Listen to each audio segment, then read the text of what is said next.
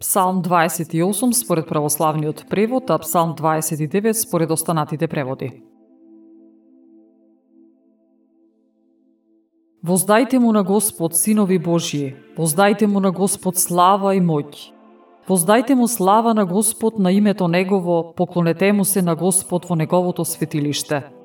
Гласот Господов е над водите. Бог на славата грми, Господ над силните води.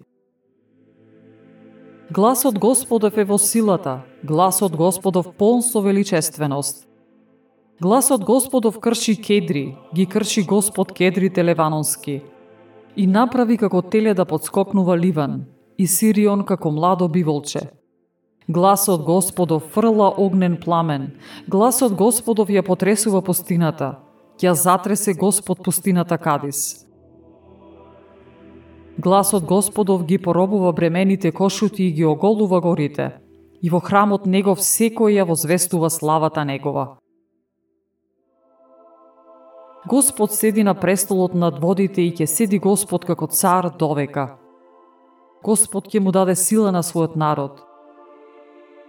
Господ со мир ќе го благослови народот свој.